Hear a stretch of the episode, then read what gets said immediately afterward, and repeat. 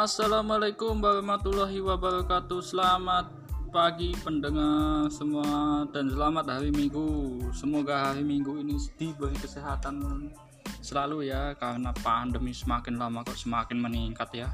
Tapi kita doakan semoga cepat pulih lah. Amin. Oke di podcast hari ini selamat datang di POBFM Podcast. Di podcast hari ini saya akan membahas dibalik meningkatnya popularitas podcast. Nah, kita akan membahas itu ya. Sebagai konsumen media, kita sekarang dihadapkan oleh semakin banyak pilihan untuk menghabiskan waktu. Di antara jenis platform yang semakin beragam, salah satunya yakni podcast yang telah mengalami peningkatan popularitas akhir-akhir ini. Memiliki format audio bersifat on demand atau mudah digunakan, para pendengar dapat mengonsumsi media ini kapan saja dan di mana saja. Ditambah lagi dengan jumlah konten yang kian bertambah mulai dari bahas cerita misteri, komedi, hingga interview.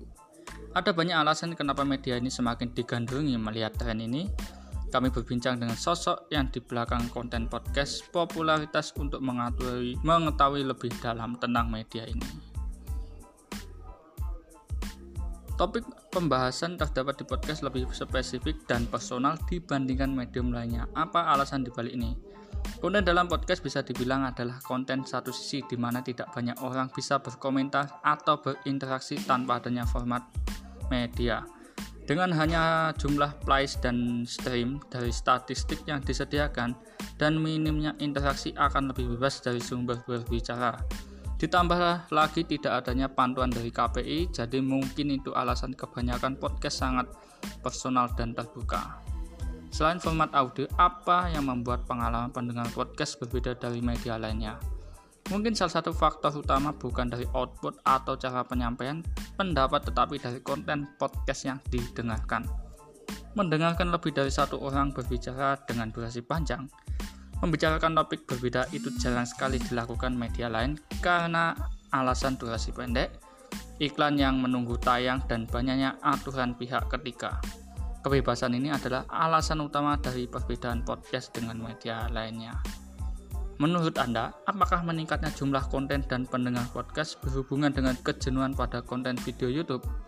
Bisa dibilang ya karena terlalu banyak pilihan untuk ditonton di YouTube dan belakang ini algoritma YouTube yang berantakan bisa membuat orang-orang ini mendengarkan sesuatu yang lebih mudah diakses seperti podcast dari digital platform seperti Spotify, Apple Podcast, and Soundcloud. Jenis program apakah yang sering Anda dengar dalam bentuk podcast? Belakangan ini saya sering mendengarkan report. Podcast sebetulnya sudah dijelaskan tentang lebih dari tertawa dibandingkan berbicara. Ada juga teman-teman dari Books to Books Media Network yang punya banyak sekali program seperti Redpush dan Broker. Nah, itu dia dibalik meningkatnya popularitas podcast. Dan ini menjadi apa ya? gebrakan baru dunia digital terutama audio.